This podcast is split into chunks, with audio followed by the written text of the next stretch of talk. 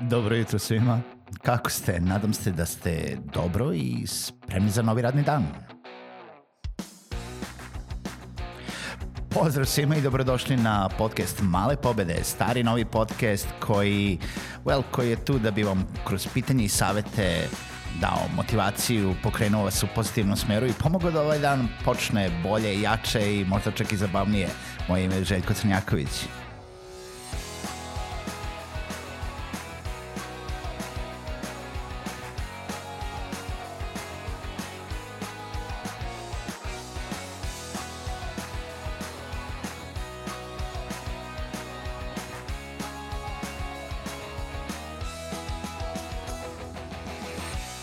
Pozdrav svima, dobro jutro i dobrodošli u novu epizodu podcasta Male pobede. Moje ime je Željko Crnjaković, a ovo je podcast koji vas vodi od malih pobeda do velikih dostignuća i želim da se zahvalim svim, svima onima koji podržavaju ovaj podcast na Patreonu. Ukoliko želite da i vi podržite podcast na Patreonu, možete otići na patreon.com kroz male pobede i ostaviti svoj prilog ili pretplatu. Danas pričamo o tome o klijentima, o onim malo teškim, malo teško razumljivim klijentima i više, više želim vas da pitam da li mislite da su klijenti uvek u pravu? Da li mislite da jer jel da to važi kao pravilo, jel da klijent je uvek u pravu, klijent je bog i tako dalje.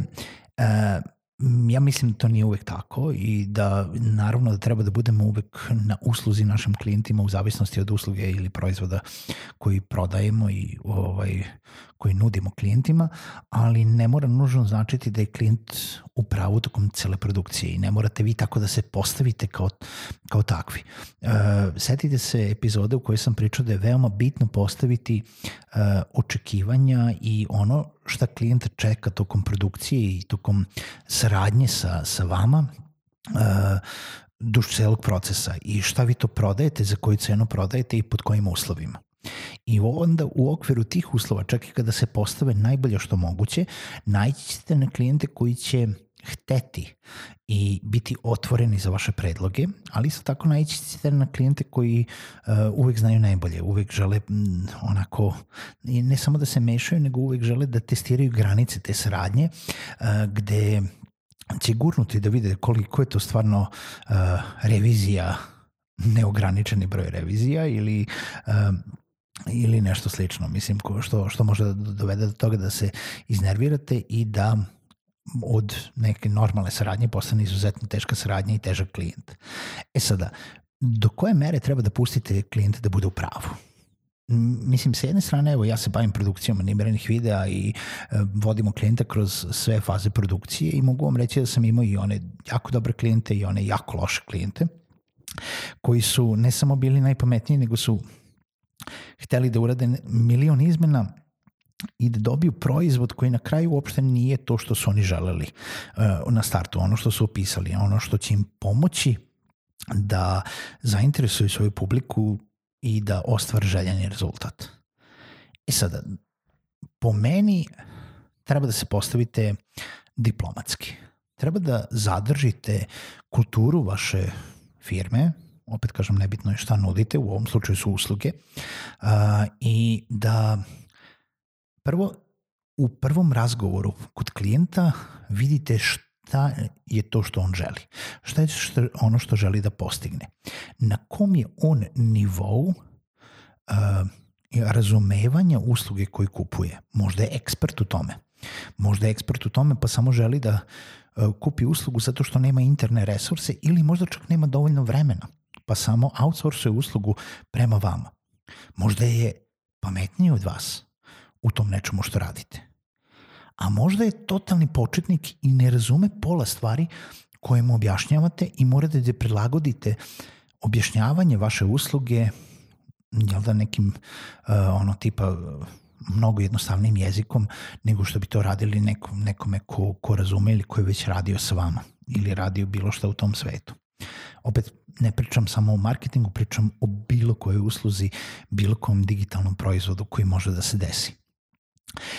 I sada, kada imate jednog ili drugog klijenta, u zavisnosti od toga koliko klijent jel da, ima ego, kakav ego ima, će želeti od, u u, određenom, u određenoj fazi da se meša u određenu ruku, da taj proizvod ipak bude takav kakav on želi da bude.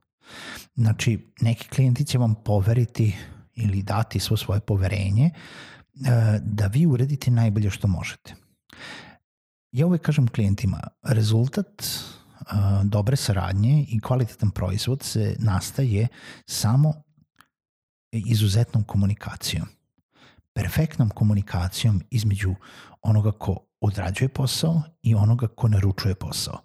Zato što kao prvo vi niste ekspert u poslovanju vašeg klijenta. Ne morate da budete. U većini slučajeva niste ekspert. Čak i kada se nalazi u istoj branši, ne, mislim, vi niste unutar njihove firme da znate šta su njihove tačne poruke, koji je njihov brand, kako oni komuniciraju, šta je do sada sve bilo, osim ako ne uložite vreme da izanalizirate sve to, a i onda će to biti samo površno, makoliko do, ovaj, uđete u to.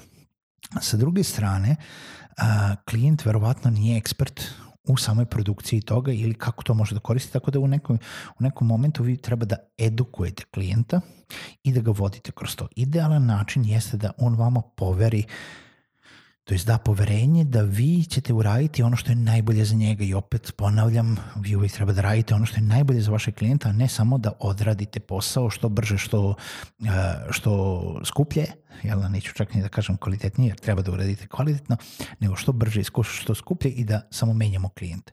Znači, mi stvarno želimo njemu da pomognemo. A, komunikacija i taj ta neka doza toga e, da uzimamo u obzir ono što klijent kaže, ali zadržavamo pravo da mu kažemo da nije u pravu. Hej, ovde nisi u pravu. Mislimo iz svog našeg iskustva da će ovo imati bolji efekat. Zašto? Zato što ćemo ti pokazati na primerima, na dosadašnjem na radu, portfoliju, eh, na eh, testiranju, na što, čemu god možete, da će ovo imati veš, većeg efekta. Da ovo što si predložio možemo da uzmemo u obzir i onda da prilagodimo tome što smo zamislili da implementiramo u proizvod ili uslugu koja će imati najbolji efekat koji želimo da postignemo u okviru ovog projekta. To je doza koju treba da imate koja je idealna za klijenta. Sa druge strane, za sve one koji imaju teške klijente i koji uh, jel da klijenti baš žele da urade ono što su zamislili i žele da menjaju to milion puta, ima i tu leka, ima, ima nešto što se zove sve može. Uh, imamo klijente za koje sve može. Naravno da može sve. I uvek može sve. Vi nemate pravo kao davalac usluge da se iznervirate ili Mislim, imate pravo da se iznervirate, imate čak i pravo da otkažete uslugu, ali prava usluga ne bi trebalo da, da dođe do toga da se otkaže, samo zato što je vama pukao film. Treba da bude to da kaže sve može. Samo je pitanje vremena i para. Znači, recimo u videoprodukciji. Znači, dođemo do kraja. Ej, treba da prepravimo nešto, treba da počnemo iz početka. Može. Naravno da može. Nije trebalo da dođe do toga jer smo trebali da se slušamo i pričamo i trebalo si da poslušaš sve ono što sam ti rekao do sada i da razmišljaš u određenim fazama o tome šta si trebao ili nisi trebao da uradiš i tada da vidimo da li treba nešto da menjamo. Ali sada kada smo došli do kraja i želiš da se vratiš na početak, pa neću ti reći ne može. Samo je pitanje vremena i para koliko će ovo više da košta. Jer ako su uslovi postavljeni dobro i ako su uslovi postavljeni tako da imate određeni broj revizije ili imamo određeno broj, ali koliko se vraćamo nazad onda to košta ekstra u, u zavisnosti od toga gde, gde se vraćamo i šta treba da uradimo. Bože moj, ako ste programeri, opično radite na satnicu, Brate mili, može sve, samo je pitanje koliko vremena će to biti i koliko će vas više para da košta i kad vam treba proizvod i za koje vreme ovaj, možete nešto da uradite. Jer ima klijenata koji kažu, ne znam, cena nije problem, ali nam treba preko sutra. Pa ne, preko sutra nešto ne može da se uradi, to jest ne može da se uradi sve, pa sve da, ne znam, ono, padaju sekiri i da platite 3 miliona dolara. Ne može sutra, preko sutra nešto, za nešto treba četiri nedelje da se uradi. Jer jednostavno fizički ne može da se um, izradi i ne mogu da se rade sve faze odjednom jer svaka utiče na sledeću. Ja sad opet pričam samo iz ličnog iskustva i vi ćete to primeniti negde na svoj biznis, da ponekad ne može. I ok je reći klijentu, ovo ne može. Ovo ne može zato što. Može u nekim slučajevima i ne znam, koštaće više i trajeće duže i ne znam, treba će dodatno dve nedelje. Sve može. Samo je pitanje vremena i para. Znači, do, ne treba se plašiti reći klijentu ne. Ne treba uvek da u, bude odgovor ne. Treba da bude dogovor. Treba da bude uh, razumevanje u smislu da ni on ne može da očekuje od vas nije ovo magičan proces i nije ovo uh, vi imate nešto gotovo i sad ćete vi to njemu samo da isporučite, nego jeste jednostavno realnost usluge koju je naručio razmislite o tome i sledeći put kad pričate sa klijentima, nemojte zazirati od klijenata. Oni su vas zvali zato što to što vi radite ne znaju sami da urade ili nemaju vremena sami da urade. Ako neće sarađivati sa vama, Bože moj, naći ćete nekoga drugoga. Čujemo se u narednoj epizodi Malih pobeda.